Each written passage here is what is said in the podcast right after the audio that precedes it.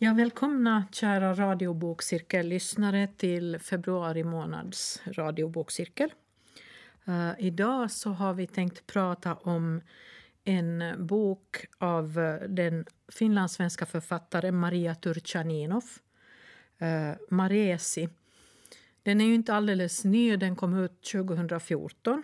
Eh, men vi tyckte att den här verkar som en intressant start på året. Ja, vi har ju haft en cirkel, bokcirkel tidigare redan, men i alla fall. Och eh, vi som sitter här idag, det är jag, Katarina Norrgård. Marie Stefansdotter. Ulf Nyback. Ingemar Johansson.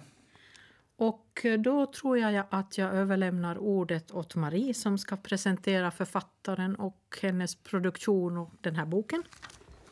Tack.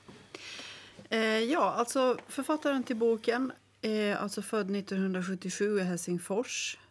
Och hon är då alltså en finländsk svenskspråkig fantasyförfattare.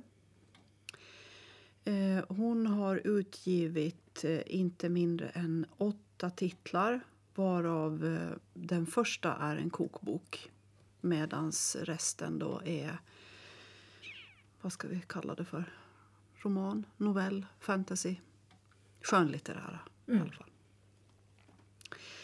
Eh, det, den eh, allra senaste kan man väl säga är en fortsättning på den vi ska recensera idag.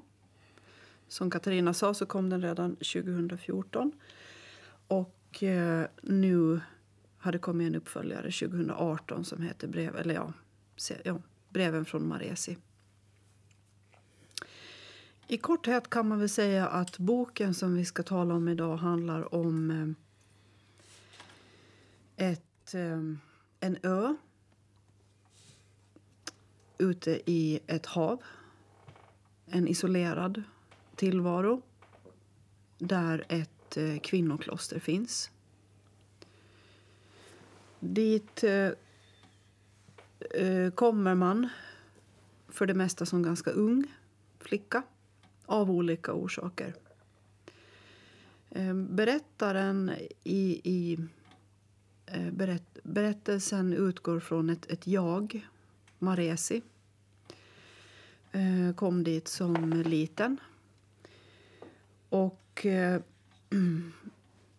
i och med att en ny flicka anländer så förändras tillvaron och eh, egentligen eh, stora delar av klostrets historia. Mm. Och eh, i och med den förändringen så blir hon också uppmanad att eh, skriva ner händelsen. Och det är det vi får läsa. Hennes nedtecknade eh, upplevelser. Mm. Mm. Ja. Kort och koncist.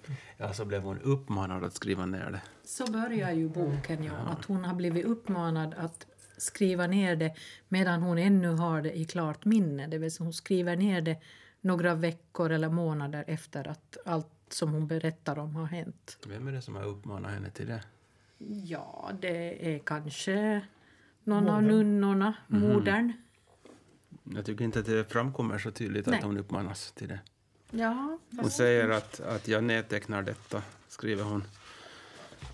Men inte att hon har blivit uppmanad. Ja. Jag tror som att hon uh, Syster O säger att denna min berättelse ska läggas till de andra skrifterna. Mm. Och att det är viktigt att det är just jag som skriver ner vad som ja. skedde. Men ni menar att i och med att det kommer en ny flicka till klostret så förändras liksom själva dynamiken i klostret eller någonting som, som gör att hon måste skriva ner boken? Eller sa du någonting, ja, någonting Om jag uppfattar det hela rätt så är hon ännu... Det är väl inte så ovanligt att man lämnar den där den där klostertillvaron. Men det som händer gör ju att hon känner sig tvungen att, att lämna det för att börja... För att med den kunskap hon har tillägnat sig där börja arbeta utanför det med, med uppdrag. Jo, det kan jag förstå. Att det som händer gör att hon skriver ner det. Men just det där att, att för varenda en flicka så, det så förändras tillvaron i det här klostret som leder till att de skriver ner sin berättelse. Nej, det tror jag inte. Nej. Jag tror att det är bara hon här som ja, skriver. Hon, väldigt, hon, skriver, hon får väl det här uppdraget, om den är inifrån eller från någon annan. Då, hon är så väldigt ivrig på att få kunskap. Det är väl just där som det, i och med att de har ju de här, de här husen inom klostret så har de ju kunskapens hus som innehåller biblioteket som Maresi kallar för skattkammaren. Och där skriver de ju ner klostrets historia. Och det finns ända från den första, de här grundarna och deras historia, hur, hur det gick Jag till. förstod nästan att det var i och med att den här Jai kom dit som det blev en spännande Det berättelse. var det, var det, Det jag menade. Ja, det var så det du var, menade. det var det jag menade. Jag tänkte mena att eh, när Maresi kom dit att Nej, det... nej, nej, okej. Utan i, i och med det att Hon var ju bara lite en Emily Lönneberga-figur så här Jo, jo. till att börja med Men egentligen. vad var det som gjorde att det var just hon som skulle skriva ner den här berättelsen när Jai kom dit? Fick hon det uppdraget av någon? Nej, jag tror inte att hon börjar skriva i, när jag kommer utan jag tror att det är det som händer i och med Jais historia som gör att hon känner sig tvungen sen då att... Att hon får en, ett uppdrag? Du? Ja, Men alltså i Så boken så framgår det väl inte vem som i övrigt har skrivit några böcker men det framgår väl att hon vill inte ha andrahandskunskap utan hon vill, ha, vill skriva ner förstahandskunskap som ska finnas tillgänglig sedan. Jag är lite krånglig nu för att liksom hon fick ett uppdrag av syster O att skriva ner en berättelse som egentligen tog sin början med att jag kom dit. ja. Jo. Och då tycker säkert den här syster O att den här, det som hände då när jag kom var så pass spännande att hon gav den här Ja. Maresi i uppdrag att skriva. Ja. Ja, ungefär. Så uppfattar jag det. Ja. Ja. Ja. Det är så pass omvälvande. Det var inte bara Jai som är, är spännande utan det är allt som händer. I, det är ju ett helt skeende som finns där som Jai, man kan ju säga, lika gärna säga att Jai fick vara med om något spännande som hände på klostret.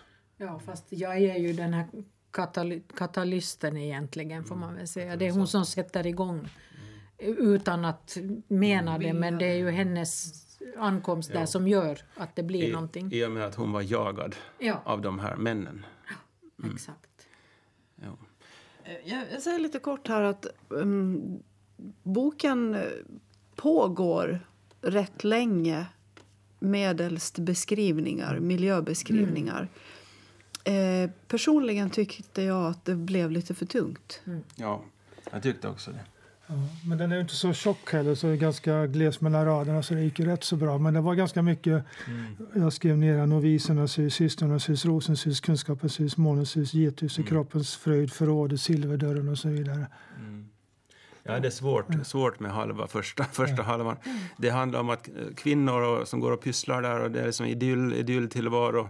Typ uh, Mumindalen eller uh, Sjumilaskogen eller bara att det är massa flickor som, som håller på med det och männen är absolut eh, förbjudna att, att till inträde. Och det lite störde mig att jaha, det är så här då världen är om det är kvinnor som håller på och pysslar och donar och fixar med det som de vill. det är för Och- fridfullt, Ja, eller? fridfullt men samtidigt så ger det inte mig som läsare någonting. Alltså det, det blir liksom ganska ointressant för mig. Dramatiken kom ju mitt i boken när man märkte att, att den här Maresi var- stod i pakt med den där Haggan och månen. Då tyckte jag att det började hända någonting egentligen. Fast hon inte ville. Hon ville inte, men hon var det, fast hon inte visste om det. Eh, Men då tyckte jag att, att nu kommer det ett moment som, som innebär lite spänning och dramatik i boken. Före det så tyckte jag att det var så här pysslande och pyntande som, som säkert kvinnor skulle vilja ha världen utan män. Nu är jag lite provokativ här. Jag tar så här gen- genus, genusperspektivet, genusperspektivet, uteslut männen och låt oss ha vår fina värld. Skulle pyssla Ja, mer men då- om det inte fanns män. Ja, ja jag menar, så, här, så här skulle det vara och det här ska vara idealet enligt dem som vill skriva så. om vi inte finns längre då är det inget problem för oss. För oss är det inte problem. Ja, Ja, men är det så här man vill att det ska vara? Nej, men alltså, de tycker ju inte att männen är deras fiender men eh, det är liksom den här heliga kraften som finns i, i, i den kvinnliga gemenskapen. ja. Men problemet är väl det just att, att det här klostret då är en fristad för jagade kvinnor. Det är ju inte bara jag som kommer dit och flyr undan en, en pappa som, och en bror väl Men- också, men det- som, som kan kommer att ta livet av henne om de får fatt på Ja, henne. det, det, det står någonstans att, att det, det är väldigt eh, fattiga flickor som får komma. Ja. Det är kvinnor som, flickor som vill få mer kunskap, alltså bildning. Mm. Och sen var det ytterligare någon aspekt, sårade kanske, skadade. Handikappade, Ja. Mm. eh, sådana som inte har så mycket... Alltså som inte helt enkelt kommer att klara sig i den yttre världen. Mm. Och, och sen också just jagade kvinnor, att det är ett asyl, en, de kan söka asyl där, helt enkelt klosterasyl får man väl säga. Kanske man kan säga att de undersöker någonting i, i, i de här olika krafterna i, som finns. Så att hon undersöker den, den kvinnliga kraften, vad, vad blir det av det om vi renodlar den? Och så undersöker hon kanske den manliga kraften, vad, vad, vad är det som... Det blir, vi tycker kanske att det, vi är något mer än de här stilettjagarna. Ja, men det är jägarna. en väldigt negativ bild av männen som kommer fram i boken. Ja, fast Ja, men det inte, finns en inte som alla. undersöker.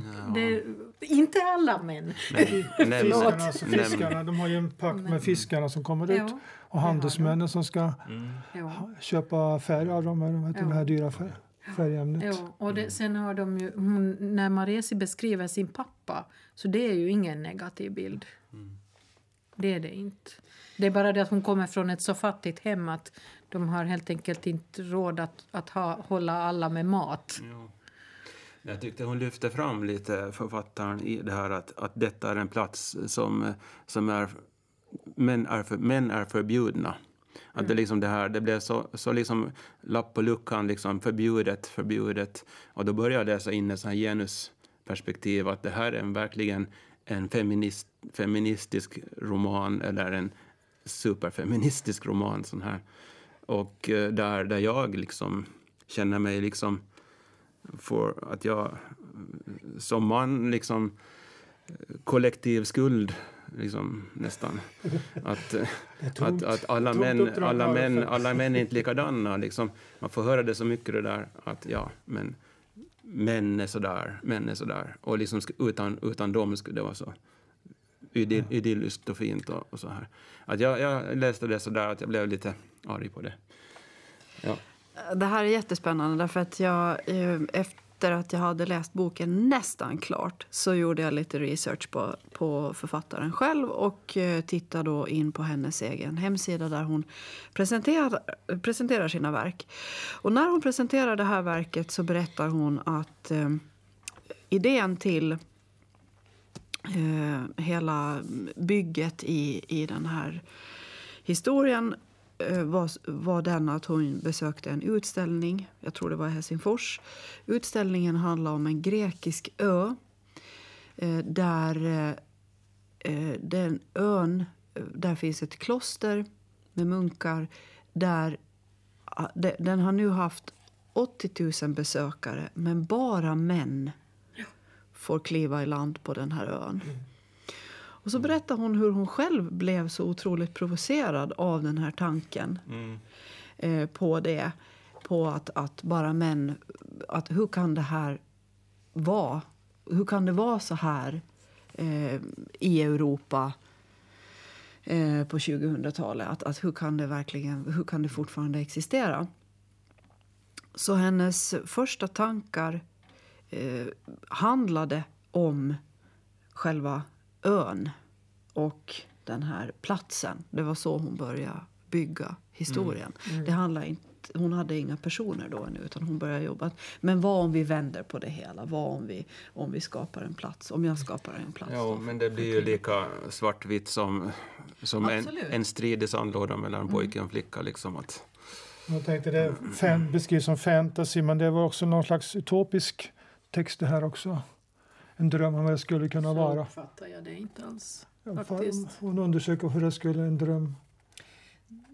Nej, jag tänker faktiskt att, att jag kunde förlika mig med den tanken att hon har blivit provocerad av någonting som existerar och så vill hon bara ta reda på att hur är det om vi svänger på det? Ja. Att om jag tittar på den andra sidan av det Jag här. tänkte det här om man ser det som det är det är en samtidskritik också. Så finns det ju massa sån här enkönade tillvaro, både med för män och kvinnor som inte har behövt åka ut på någon öde ö någonstans. Sen finns mitt, mitt i samhället ofta för olika slags föreningar och sammanhang.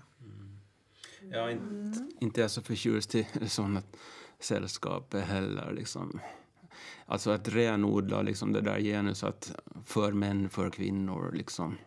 Ja, jag, jag såg det mer som om det, att de här feministiska författarna, eller vad ska jag kalla blir provocerade överhuvudtaget av manslitteraturen och vem som har bestämt och vem som har liksom satt reglerna och vem som får de bästa priserna och ja, allt inom, inom kulturen och inom samhället. Och att jag såg det mer som att nu ger vi tillbaks. Liksom. Det kommer liksom sådär eh, extremt tillbaks. Ja. Det är intressant det här, för mm. jag måste säga att jag har nog inte alls uppfattat den så, utan just som det ofta är med, med vad ska jag säga, med fantastik, alltså inte bara fantasy utan också science fiction, så är det det där, man brukar kalla det för a sense of wonder. Att det är någonting, just att det händer, det är någonting fantastiskt. Och också det där att man kan, man kan svänga på det hela. Att men nu, nu, så här ser det ut i vår värld idag.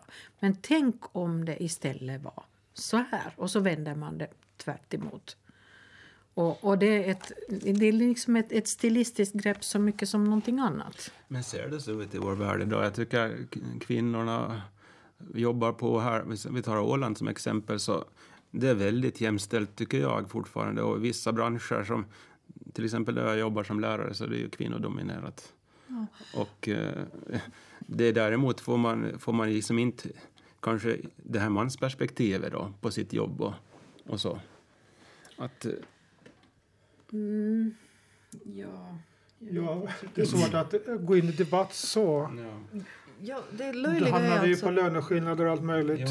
Och, och, vem som finns högst upp och längst ner och så men vidare. att säga att det ser ut på ett sätt och så vänder man på det och så visar man en annan sida, liksom en fantasybok så betyder det ju att man är, man är arg på någonting. Man är arg på att det är orättvist. Eh, kanske Eller? det betyder, men jag vet inte, jag tycker inte egentligen. Men däremot så det som jag ser, som hon ju plockar och som ju kommer upp också. Eh, en, ett en sån här sak som ju är fortfarande aktuell. Och det här är då fantasy och jag skulle säga att det är ganska medeltida stil på det hela. Eh, så är ju det här hederskulturen. Ja. För det är ju därför jag flyr. Det är ju därför hon kommer till, till klostret. Och hederskulturen har nog inte försvunnit någonstans efter medeltiden. Snarare, den finns mm. nog fortfarande och ja. i många kulturer det är inte man kan väl ska inte peka ut någon skild. Man kan väl tänka sig att man har både manligt och kvinnligt, att det inte står för själva mitt sexuella kön utan det är liksom någon, en kraft som, det finns manlig kraft, det finns kvinnlig kraft. Mm. Och som, som, som sexuell manlig så, så, så, kan jag också ha en kvinnlig kraft i mig. Jo, det är det jag saknar, att männen är inte endast negativa. Det är inte en destruktiv kraft som jag tycker, i den här boken kommer de ju och, och då blir det ett hot. Och då flyr alla kvinnor undan. Och då är de direkt liksom som några vikingar som kommer och härjar där. Och de till och med de våldför sig på kvinnor, de våldför sig på barn. De, alltså vem då? då? De här männen som kommer dit. Ja, männen. Ja. Okay, ja. Och så är det en, en kvinnlig kraft som förintar dem till slut, en sån här fantasykraft som släpps lös den här haggan. Det låter ju bra tycker jag. Jo, visst, men varför måste det vara... Det, du pratar om att, att liksom män, män har kvinnliga krafter och kvinnor har manliga krafter. Men här är det ju som så, så på något sätt ja, så, uppdelat i män, de destruktiva männen och de fredliga kvinnorna. Ja, jag ja. tänker mig att hon undersöker någonting med, med, med den här boken. Jag också det. Jag håller med dig, mm. Uffe. Det gör jag. Uh, och det intressanta är att du reagerar. Säkert är du mer kritisk läsare än vad jag är. Men jag, jag läste längre innan det här blev klart för mig. Jag följde liksom med i berättelsen. Jag störde mig på andra saker. Jag störde mig på den här överdådiga detaljrikedomen, det här upprepande av byggnader. Och man sprang upp för trappor och man sprang mm. ner för trappor och jag försökte följa med kartan. Ja, men är de uppe eller nere? Ja, det lyckas jag inte hålla reda på. Och det var, det var frön och det var mm. snäckskal och det var, det var för mycket grejer och det hände för lite. Mm. Det var det här pysslande. Mm. Och fast jag är kvinna vill jag att det ska hända grejer. jo, men... Och det hände inte riktigt där. Men, men det tog väldigt långt in i boken innan jag upptäckte det här. Om vi nu kallar det för feministperspektivet då. Jo, men alla hade det så bra också. De njöt verkligen av sin tillvaro. De, de satt där och tittade på månen och solnedgångarna och de vandrade och, det var, och luften och det beskrevs hur, hur liksom det var riktigt sinnligt så här, njutning för dem. Och allt var så bra och liksom, det är så där de, vill, de var så tacksamma att vara där. De ville leva ett sånt där liv, fast ända till, till slutet. man- Men så kommer de här männen. Man tänker, man tänker sig alternativet då, om det, eller om vi tänker oss att det här är någon slags medeltidsmiljö. Och så då finns det beskrivningar som säger att det finns, det fanns tre stycken eh, sätt att leva för en kvinna på den tiden. Det var att vara prostituerad, det var att gifta sig, föda massor av barn och det var att gå i kloster. Och då var, kunde ju kloster vara som ett himmelrike, att, att, att, att få slippa det andra. Det var inte säkert att det var så väldigt lyckligt att vara gift heller och föda, jag vet inte hur många barn man, många graviditeter man kunde få, men massor av graviditeter och, som leder till mer eller mindre galenskap eller döden. Så kan jag tänka att det var medeltids eh, science fiction eller medeltids fantasy där man vänder på. Det som till exempel Maresi ju, som, som framgår är att, att för henne är ju en av de... Förutom det här med att hon får kunskap, och det är hon ju väldigt törstig efter. Hon vill ha kunskap. Hon kallar biblioteket för skattkammaren. Jag förstår henne. och sen, sen så är det andra att hon får äta. Hon får alltid mat. Hon behöver aldrig gå hungrig. För det är hon van med hemifrån. Att Men hon har fått vara hungrig. konstigt att det är så enkelt för dem att skaffa mat på något sätt. De lever ganska enkelt och Mm. visserligen organiserat men det är liksom, maten är inget problem. Det är ju problem annars i alla andra De odlar sammanhang. och de har djur och sen köper de ju upp också förstås i och med att de har de där de här blodsnäckorna som ger den där färgen. Ja, det, det är ett paradis. Och det är lite det där... Får det vara Alltså- så bra egentligen? Ja, varför inte? I en fantasybok får det väl vara det. Det är väl där man har möjlighet att skriva om det. Men det är ju en, en drömtillvaro som man eh, iscensätter då i en, i en fantasybok. Och det är enda möjligheten att skriva en fantasybok för att få Man kan säga så här, det. eller ett bidrag till samtalet är att jag saknar liksom sex, eh, berätt, sexlängtan. Att man hade ingen, det finns ingen erotik mellan kvinnorna heller riktigt. Nej. Nej, men eh, målgruppen är väl eh, Ungdomar. 12 Ja. Ja. Mm, Det räknas ju som, jo, som eh, young adult. Alltså ungdomsbok. Ja, jag tittar på en annan recension där, där man hade recenserat den här boken. Där trodde man att den riktade sig till tioåringar. Ja, okej. Oh, det tycker jag Ja. nog känns lite Så väl jag häftigt. tänkte Med knivar och 12. dolkar i magen och sånt där. Våldtäkter, Ja. eh, begravningar av levande flickor. Olika Jättefräscht för tioåringar, ja.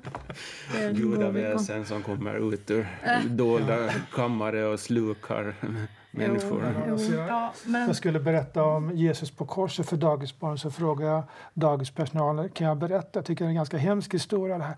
Ja, du ska inte vara orolig, de, de ser nog mycket värre saker på tv. tänkte just Det är väl så, ja. Men om vi säger att den här är en bok för 10-åringar eller 12-åringar, då, jag tror nog flickor, för jag tror inte att en pojke skulle läsa den. Eh, kanske, ja, den, som jag ser det, kanske inte... Man tittar redan på pärmen så är den väldigt feminin. Och det, det är en vacker pärm med en kvinna, en flicka som kammar sitt hår. Och, och det är liksom ett konstverk i sig, den här pärmen.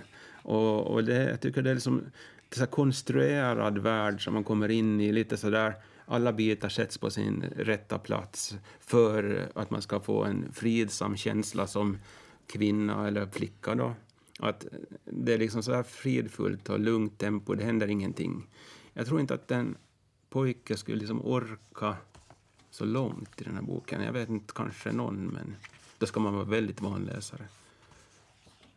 Det kanske är just det att den kräver nog sin läsare, den här boken. Den, den är... Den, alltså, jag håller med om det där. Jag stör inte mig på det på det sättet, men jag håller med om de här detaljerna. Och Det är många detaljer, det är små detaljer. Och, och det som hon gör, Maria Turchaninov, eh, så är ju det att hon, hon drar ingen sån här introduktion. Så här att ja, det här är nu den här världen på den här ön och här har vi det och det och det finns de och de växterna och de och de djuren och de och de bären. Utan det kommer lite i taget droppande ett namn, något Tusen namn, om jag får avbryta det är okej, tusen namn. Jag tycker det är intressant att ni inte reagerar på att det här är en, en värld liksom endast för kvinnor och förbjudet för män. För det, när jag får den liksom eh, tillsägelsen att det här är endast för, för kvinnor så får jag också den tanken att det, det är sån här värld som kvinnorna vill ha det. När det, när det är endast för dem. Det här är en drömtillvaro som det livet skulle vara om vi skulle få skapa vår värld utan de här våldsamma männen. Men, men utgår du då från, är det liksom samma beskrivning av mäns slutna rum? Att det också är deras Jag har idealvärld? inte läst någon bok om mäns slutna rum. Jag tycker inte om att läsa böcker om mäns slutna rum. Jag förstår inte varför det ska vara så liksom, Nej, men- eh, polariserat. Liksom den här könsdebatten, eller liksom vi säger böcker inom... Att, det- jag tycker bara det är intressant att ni inte reagerar på att, att, det, att det är en värld som är endast för kvinnor. Ni säger att, att den var lite sådär, för mycket detaljer och liksom det hände ingenting. Men ni, ni reagerar inte på det att, att den här världen var inte för män. Jag tycker det, Ja, alltså det som jag reagerar är, nej, jag reagerar inte på det därför att det så framgår så väldigt tydligt att all världen utanför klostret är för män.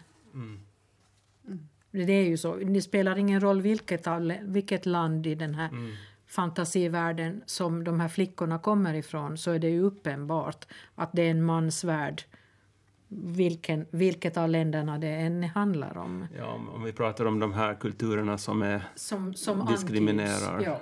kvinnor. Alltså det, det är ju Ja. det att, att hon berättar ju inte om, så mycket om de här länderna som de kommer ifrån, någon av dem. Men, men de förekommer i hennes övriga böcker om man Men har om- läst andra Men om man ska böcker. vända på perspektivet och försöka hitta en pojkvärld där inte flickor är, är liksom, eh, har tillträde. Så jag skulle inte hitta en enda bok som skulle, som jag skulle inte hitta den, den eh, miljön. Jag skulle inte hitta den, är den utgångspunkten för en bok. Jag har inte läst någon och jag vet inte vilken det skulle vara. Eh, Jag skulle säga så här att det kanske in- inte så här Mm. Hårdraget. Men läs vad som helst av Ulf Lundell så får du se. Jo, jo. Det är manlig berättare. Eh, Manlig berättare, kvinnor manligt med. perspektiv. Och han- han- Kvinnorna har en liten... Och han är romantiker. Och han är romantiker. Och han, han vill gärna romantisera eh, en tillvaro där också kvinnor är en del av det. Mm. Men eh, jag menar, en, en isolerad värld bestående av, av flickor och kvinnor där män inte har tillträde. Så då, för mig så blir det liksom... Jag börjar fundera på utgångspunkten för boken helt enkelt. Det har jag inte fått svar på ännu. Men är inte utgångspunkten just det att hon, hon ser det här eh, klostret som, som släpper in, än i denna dag, det här grekiska klostret som släpper in manliga turister, men inte kvinnliga turister. Det har kommit 80 000 besökare dit. Ja, jag tycker det ska vara en jättetråkig bok att läsa om den där ön som bara släpper in manliga turister. Likadant som jag tycker det är inte så hemskt intressant för mitt perspektiv att läsa en bok som bara handlar om kvinnor på skill- Skillnaden det är ganska väl- skönt. Jag blir lite provocerad. Jo, Men ja. alltså, jag tycker att skillnaden i det här är ju det att hon beskriver en fiktiv värld men det här som, som Marie talar om, så det existerar. Det finns i vår värld, den, Men det här klostret. Det Jo, men det är ingen men det explicit bok som beskriver motsvarande situation. Det är ju ganska mycket i vår kultur som är manligt och har varit manligt och kvinnligt exkluderat. Man har inte, be- man har inte behövt göra den explicita avgränsade boken för det, det är liksom Nej, man har inte behövt, men här kommer det ju en bok som är explicit avgränsad och det är ju den här boken som man har läst och som man ska diskutera. Och jag pratar ju om boken och jag kan inte komma ifrån att den är, ser ut på, som den gör. men den är ju trevlig att läsa. Ja, det kan vara trevligt. Man lär sig alltid någonting och, och liksom eh, hur, hur lever de där då utan män? Och jag tänkte sådär att det skulle vara bra om de där karlarna inte skulle komma dit och härja överhuvudtaget. Att det skulle få fortsätta sådär som det var. Jo, fast då, då tror jag, för då, då, då är du lite lite för, för negativ mot fantasy. För I fantasy så behöver du ha den där... Du, du måste få... Det, nej, inte det onda nödvändigtvis. Mm. Men du behöver ha den där... Den här som gör... Vad ska man kalla den här krisen. Mm. Den måste finnas om det ska bli... Annars då kan du lika gärna bara skriva någon saga och så ja. leder de lyckliga i alla sina Men, dagar. Det funkar inte så. Fantasy är en beskrivning av det goda och det onda som jag ofta ser det. Mm. Och som en sagovärld. Vi ser de onda i en saga är draken och det är häx, ja, där finns de krafterna som kommer som ska kämpa mot Sankt Göran och draken. Men då är de, de onda ju männen här då. Jag tänker, jo, men nu, nu, nu måste jag få, får jag läsa ett litet kort stycke. Eh, det är när Maresi beskriver sin, hur hennes pappa reagerar när, när de hade då, hennes familj hade beslutat att hon skulle få, få söka sig dit till klostret. För att de helt enkelt de hade inte liksom mat tillräckligt åt hela familjen och hon var en sån här kunskapstörstande flicka och de konstaterade att hon skulle ha det bättre där. Eh, och så har hon då fått höra några av sina vänner där i klostret som berättar om hur deras pappor misshandlar dem och så här.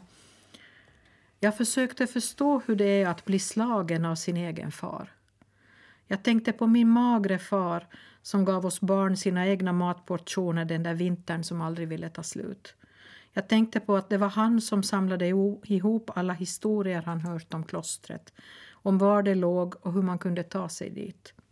På hur han grät när han insåg att det bästa för mig vore att få komma till klostret. På hur han aldrig ville släppa min hand när jag satt i vagnen som skulle föra mig bort från vår gård, från vår by, från vårt land till kusten långt borta i söder. Det var ingen negativ skildring av en far i alla fall. Även om det är många andra negativa skildringar av, av män. Jag skulle kunna tänka mig att läsa någonting annat. Alltså det handlar bara om någonting som är vackert. Om nu då Turchaninov har skrivit en, en kokbok så finns det liksom en beskrivning av ett bröderback här. Ja. Bland annat det som jag tycker är trevligt. Jag vet inte om det blir för långt här men ni får väl avbryta mig. Alltså, eh, Jai, det var hon som kom efter Maresi då. Jai satt och petade i maten. Hon hade ätit lite bröd men lämnat den inlagda löken och den rökta fisken. Jag pekade på hennes fat.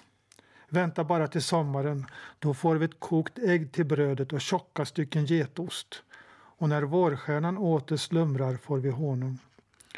Du skulle se Maresi under höstfrukostarna, sa Ennike, när de bakar nadum, bröd i köket, fullt av nötter och frön. Och då står Maresi vid härdshusets dörr först av alla och snusar som en hungrig hund. Då får vi ost och klaret nirnbärsmos till. De kokar moset med honung och mynta. Syster Ers brukar säga att det är gott nog att bjuda själva urmodern på. Jag stickade mig om munnen vid tanken. Ennike såg nyfiket på Jai. Vad är du van vid att äta hemma? Ja, Jai slösades med en mussla. Hela hennes kropp vändes inåt och hennes blick blev tom så vidare. Höstens frukostar gör att jag står ut med vinterns eviga grötar, sa jag. Gröt, gröt, gröt, dag ut och dag in. Vet ni vad jag drömmer om då? Ja, jag svarade inte, men Ennike log och nickade. Måndansen. Efter den är det fest uppe på mångården. Då får vi koanägg i kryddstark sås. Koanfågeln är vårt klosters symbol och endast efter måndansen äter jag dess ägg. Därtill serverar syster Ers frasiga pastejer fyllda med kött och kanelkryddade sesamflarn och så vidare. Mm. Då tycker jag att det, jag längtar efter en, en måltid. Ja, man, jo, det, man kan liksom känna den där doften av nybakt bröd nästan. Det, jo, och, och det, jag råkar veta att författaren är, hon, hon är väldigt förtjust i matlagning. Stark mjöd och sötat vin. Mm. Ja, den är... Jag tycker hon är bra på att hitta på namn. Det liksom tycker jag verkligen. Att det är såna här, alla har samma stil. Namnen lite Maresi och, och sen det är lite såna här exotiska namn. Kabira, Klaras, Garay, Stegi, Orseola, Solani, Daera. Det låter lite grekiskt, va? Ja, Ja. vissa av dem Mm. åtminstone. Ja. Och ursystrarna var där från början. Och, och det är mycket sån här kvinnlig visdom som finns, liksom som på något sätt finns, som inte män känner till och som det inte pratas om så mycket, åtminstone inte så öppet. Det som jag, jag, det, det här, eh, en av de här huv, huvuddelarna i den här, vad ska man säga, den här religionen kan man väl ändå kalla det, det är ju ett kloster trots allt. Så att de ber till, till urmodern. Men, men hon har tre, den här gudinnan har liksom, hon har tre olika aspekter eller tre olika ansikten. Hon är jungfrun, hon är modern och hon är haggan. Och det, jag måste ju medge att jag tycker ju att Haggan är den intressantaste av de tre aspekterna faktiskt. Och det För det är som- liksom- som här också. Ja, hon är den som kanske har den största kraften. Ja. Det tyckte jag blev intressant när Haggan kom in här i mitten på boken och hon, den här Maresi, var i pakt med, med henne. Eller liksom att eh, Ja. det blev klart att hon talade till Maresi i måndansen, när Ja. Maresi dansade. Så drogs hon till månen, månens kraft och då började hon höra den här Haggan tala till henne. Kom hit, kom hit. Och hon var döden. Hon vaktade på dödsrike. Hon satt bakom en dörr någonstans i en grotta där. Ja, det är ju Ja. så väldigt, Ja, och- väldigt, de är ju väldigt, det är ju väldigt fysiska aspekter egentligen av den här gudinnan. Mm. Att eh, vi har också den här jungfrun som representeras av rosen. Ja. Och rosen är alltså en kvinna. En ung kvinna. Mm. Och, och, och det här modern, det, hon re- representeras väl egentligen då av just den här, eh, vad, ska man, vad- vad, kallar man, abbedissan? Jag vet inte vad man ska kalla det. Men Men, jag tycker hon är väldigt bra på att eh, plocka ihop element från olika kulturer så att säga. mm, Och, och göra en egen berättelse av det. Så att jag tror att det är möjligt för många att, även om man inte tycker att hela historien är sann på något sätt, det kan behöver man inte alls tycka, men att man kan liksom plocka ut delar som man tycker är rätt skoj att nysta på lite. mm. Det här håret, kraften i håret liksom. Ja, det är ju väldigt, alltså det är väl grekisk mytologi, det där att man kammar håret och kammar storm. Tänker Tror jag i Simpson, alla fall. Simpson, Ja, Simpson. ja. Och de kom upp en storm eh, för när männen närmade sig med sitt fartyg så satt, började eh, i klostret kamma håret så blev det en storm så försvann fartyget för, för en stund men det hade ankrat ändå. ja. Och så kom de där sen. Sen tyckte jag också de här, de här blodsnäckorna tyckte jag var intressanta för då tänker man ju på, på det här Krapplusen, tänker jag. Jaha, det gör du. Jag tänker faktiskt på snäckor fortfarande. För Det var de här purpursnäckorna som fanns i Medelhavet. Jag har kanske en lite djupare tolkning på det. Jaha, okej, berätta. Nå, det, Det hänger ihop intressant. med månens faser och Ah, menstruation okej. och sånt. Ja, ja. Men Mm, det och blod. fanns ju där ändå, och blod. sen senare. Det, det är liksom en värld för, för kvinnor, för flickor och man gör stillsamma saker tillsammans. Jag ska läsa här. Snäckskörden sker under vårens höjdpunkt efter att vårstjärnan vaknat. Vi håller tackritar i rosens tempel inför den stundande sommaren. Vi bränner en stor brasa av allt vinterbråte som flutit i land eller blåst ner under årstidens stormar och sedan väntar vi på en dag med gott väder. Det är liksom så här en tillvaro som det är på något sätt sinnligt eller liksom det är så här för kvinnor känns det som. Alltså det känns liksom som att eh, de här, det de får, det är inte det, det är inga strider, det är inga konflikter. Kan vi det, få ha det lite Jo, bra då? det är det jag menar. Det är det som den här boken liksom utgår ifrån, att man ska få ha det så där bra. Och så kommer de här männen dit och förstör alltihop till slut. Men Jag tycker det är ganska roligt. Jag känner mig ibland som lite, ja, lite mamma, lite kvinna ibland och sådär. Trevligt. Får, får jag bara... Alltså jag tycker... No, Okej, man kan ha många åsikter om det här. Vi pratar alltså om Maria Turchaninovs Maresi och vi, är- vi är lite kluvna här, kan jag säga. Ehm, jag tycker igen, ja, nu har jag dragit fram det där då att hon, Maresi beskriver sin far väldigt positivt. Han var en, en, en god man helt enkelt. Eh, och sen det kommer, det dyker upp en man till som är en, en, en schysst snubbe kan man väl säga. Och han är homosexuell. I boken? Ja. Den här kusinen, Jais kusin. Uh, för det, han, nej, han, det sägs aldrig ut. Han säger så här. Jag har en hemlighet, en för vilken min far skulle vara villig att döda mig. Hela tiden här på ön har jag tänkt nästa gång kan det vara min tur. Och då visade det sig att jag och de andra kvinnorna i deras land hade ju redan gissat det. För de har märkt att han aldrig har tittat på kvinnor på det sättet och det skulle mm. han ju ha gjort om han inte var homosexuell. Alltså han var där på ön? Ja, han var, ju med, han var ju med, för han var ju hennes kusin så han följde med sin far och sin farbror. Han skulle vara med och, och återta familjens heder. Ja, Men ja, han ville inte det. Han, han räddade ju jag egentligen. Just det, nu kommer jag ihåg. Ja. Så att det är så intressant att antingen mm. är det en god fader eller så är det en homosexuell man. De andra är inte så positiva. Nej, det är det jag menar. Alltså, varför måste man ha en negativ bild av män som att de ungefär kan eh, reparera bilar och bära tunga saker och sen är det bra med det?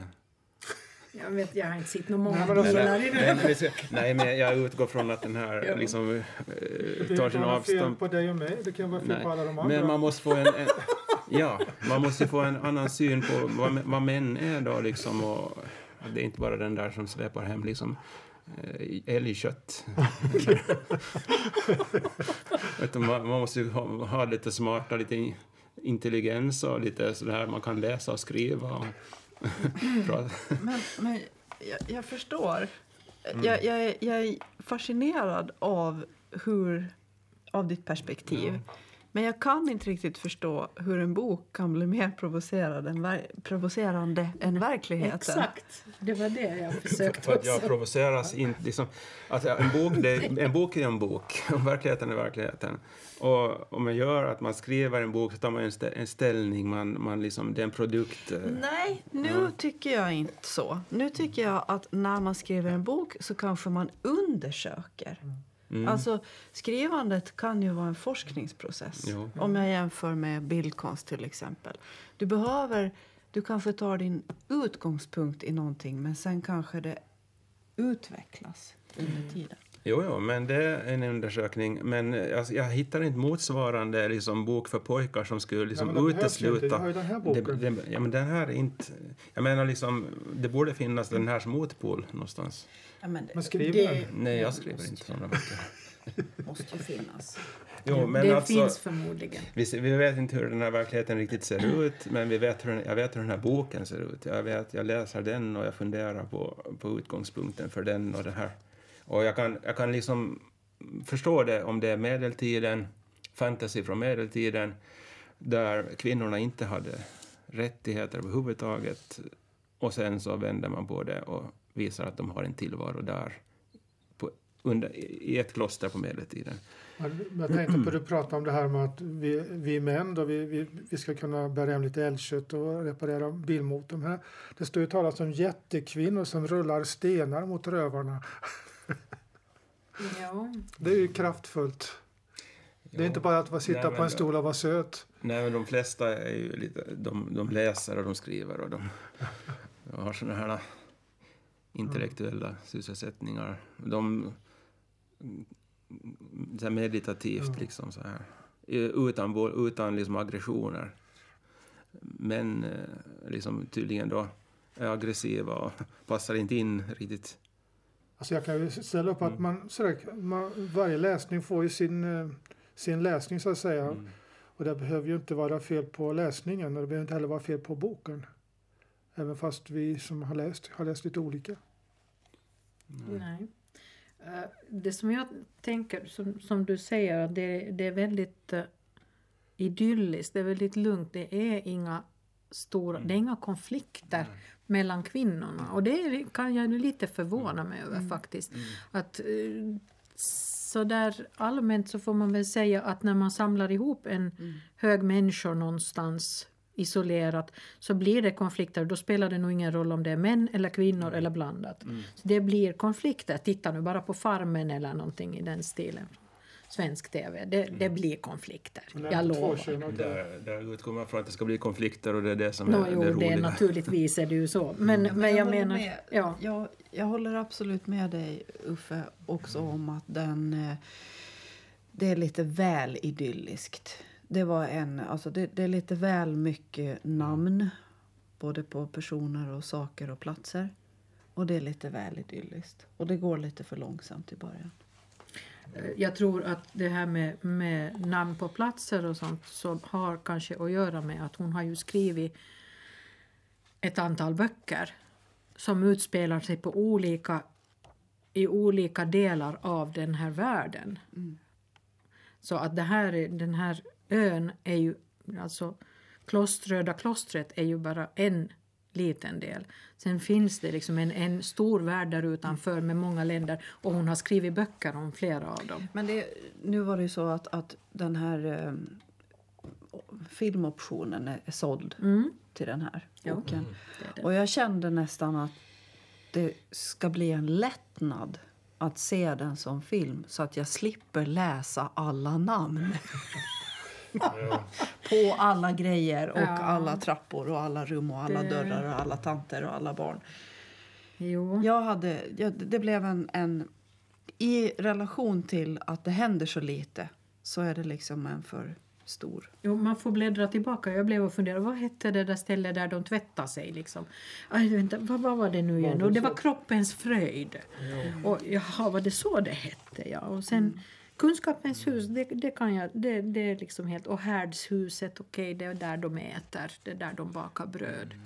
Men det var väldigt, väldigt många Det är namn. sådär andligt, liksom gryningstrappan och aftontrappan. Man vandrar upp för det och man Ja, det vandrar ner för det. Och, och man Väldigt- går in i sina... Väldigt bergigt Ja. är det, ja. Jag Om man- att om, om det här är en bok för, för 10-12-åringar och säger man att det finns ganska mycket våld och det finns hedersvåld. Och så varför, finns, varför är sex så förbjudet för, för 10-12-åringar när våld är så förbjudet? Eller är så tillåtet? Att jag förväntar mig den här så har kroppens fröjd. Att aha, nu ska det bli lite erotik här också mellan kvinnor. Men det blev ingenting. Nog bara tvätta av sig så gick de ut igen. Men, det är för att man vill, ha, man vill skapa en tillvaro som, som är frid och fröjd utan liksom så mycket extra fundering. Att det, alltså jag vet inte riktigt. Det är ju fantasy. Det är det som är fantasy kanske. Att det är liksom, eh, in- Men Katarina, du har ju läst mycket fantasy. Ja, jag är har det könlöst? Nej, nej, nej, nej, nej. Nej, det är det inte. Uh, alltså, det, det finns ju f- all möjlig sorts fantasy. Det finns erotisk fantasy hur mycket som helst. Eh, ibland har eh, parterna vingar eller huggtänder men erotik är det nog i alla fall i ganska mycket. Oj, oj, oj, vad det finns mycket sånt. Så att det här, den här, jag skulle säga att den här boken är ganska eh, ovanlig så tillvida att det är ingenting sånt. Nej, det- Ingenting. Man sitter och läser om man är novis till en lärare. Man har sin äldre medsyster då som är lärare och, som, och så är man novis och så blir man någon annans eh, lärare som kommer som eh, ny och så blir den novis. Och ska man lära sig kunskap för att gå ut och förbättra världen för kvinnorna när man åker därifrån. Om man åker därifrån. Om man åker därifrån. En del gör ju det då. Men de flesta vill ju, de tycker att det här är, det här är idyllen, det här, är, här åker jag aldrig bort ifrån det här. Att det här är paradiset. Men sen är det väl också, jag har för mig att det fanns att det var några av de här flickorna som var där för att de var där för att lära sig saker som de skulle behöva sen ute. Alltså att det, var, det fanns uh, såna här adelsfamiljer som skickade någon dotter dit för att hon var inte så vacker så hon borde lära sig någonting vettigt sen så det går att gifta bort henne ändå. Att hon kanske kan, kan läkekonst eller någonting. Men det, det fanns ju såna alltså. Det, skulle inte vara, det fick inte vara någon isolerad plats dit man eh, drog sig undan för att slippa utan det var en plats, en reträttplats för att vila upp sig kan man väl säga och bilda sig som du säger och sen gå ut igen. Det fanns ju alltså såna som for därifrån. Ja. Men det, det kommer ju inte fram i boken. Maresi ska väl därifrån. Bi, bisats. Jo, Maresi åker därifrån. Ja. Så att det... Ja,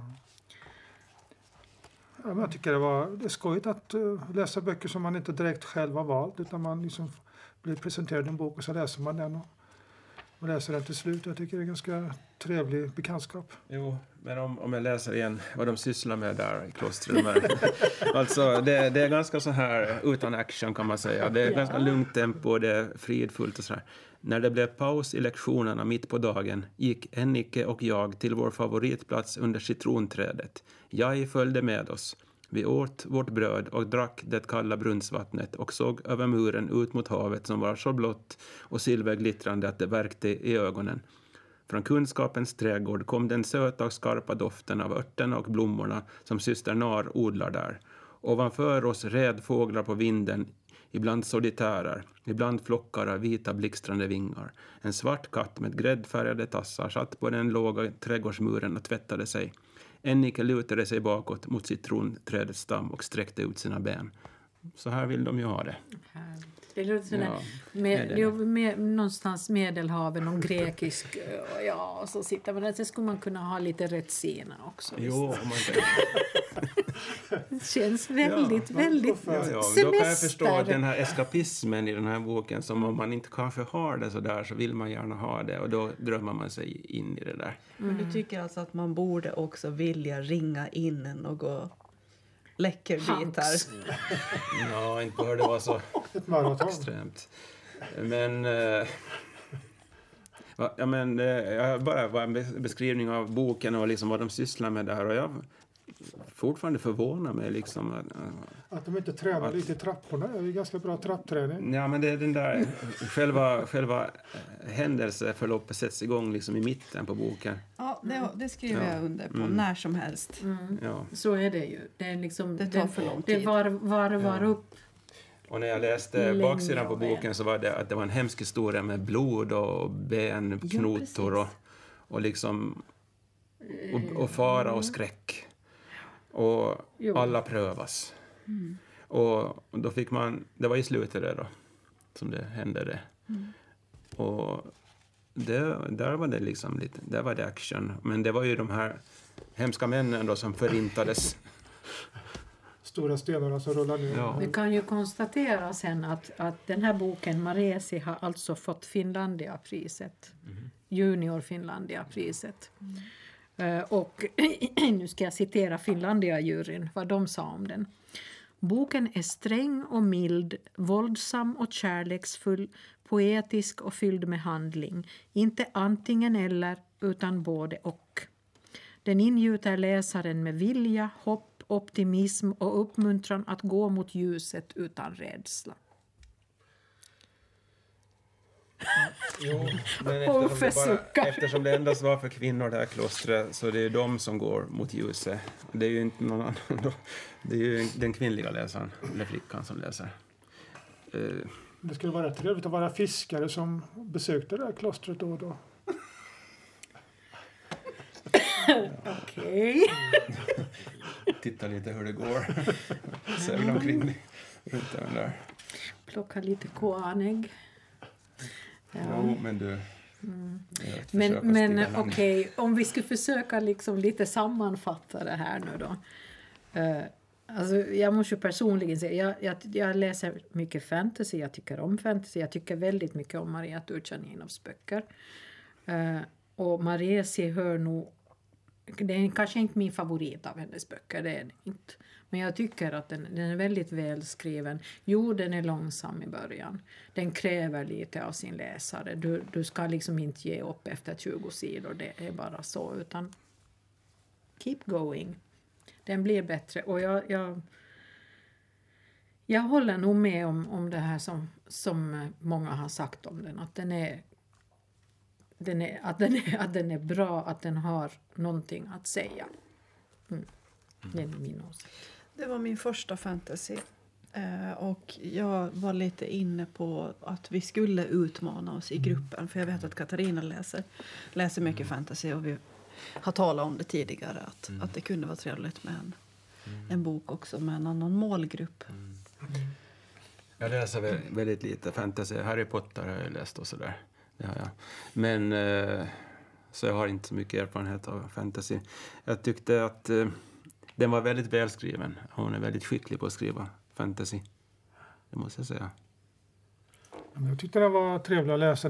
Jag tycker inte att den böcker är alltför tjock. Den här är på drygt 200 sidor och det är ju rätt lagom. Och jag tycker den som en ehm, utmaning att eh, uh, för läsarna hur, hur, det går, vad det blir för resultat när hon undersöker det här, den här miljön, vad, vad det blir av det. Och sen kan jag tycka också att det är lite, lite mesigt där ibland men eh, ändå, det är ju ändå hennes bok och jag får läsa den boken. Ja, och sen är det ju en, det måste jag ju säga som fantasyläsare, det är jätteskönt att läsa en bok som inte ingår i en trilogi. Mm. ja. Eh, men nu tror jag att vi ska avsluta för den här gången. Eh, tack kära radiolyssnare för att ni har orkat med oss.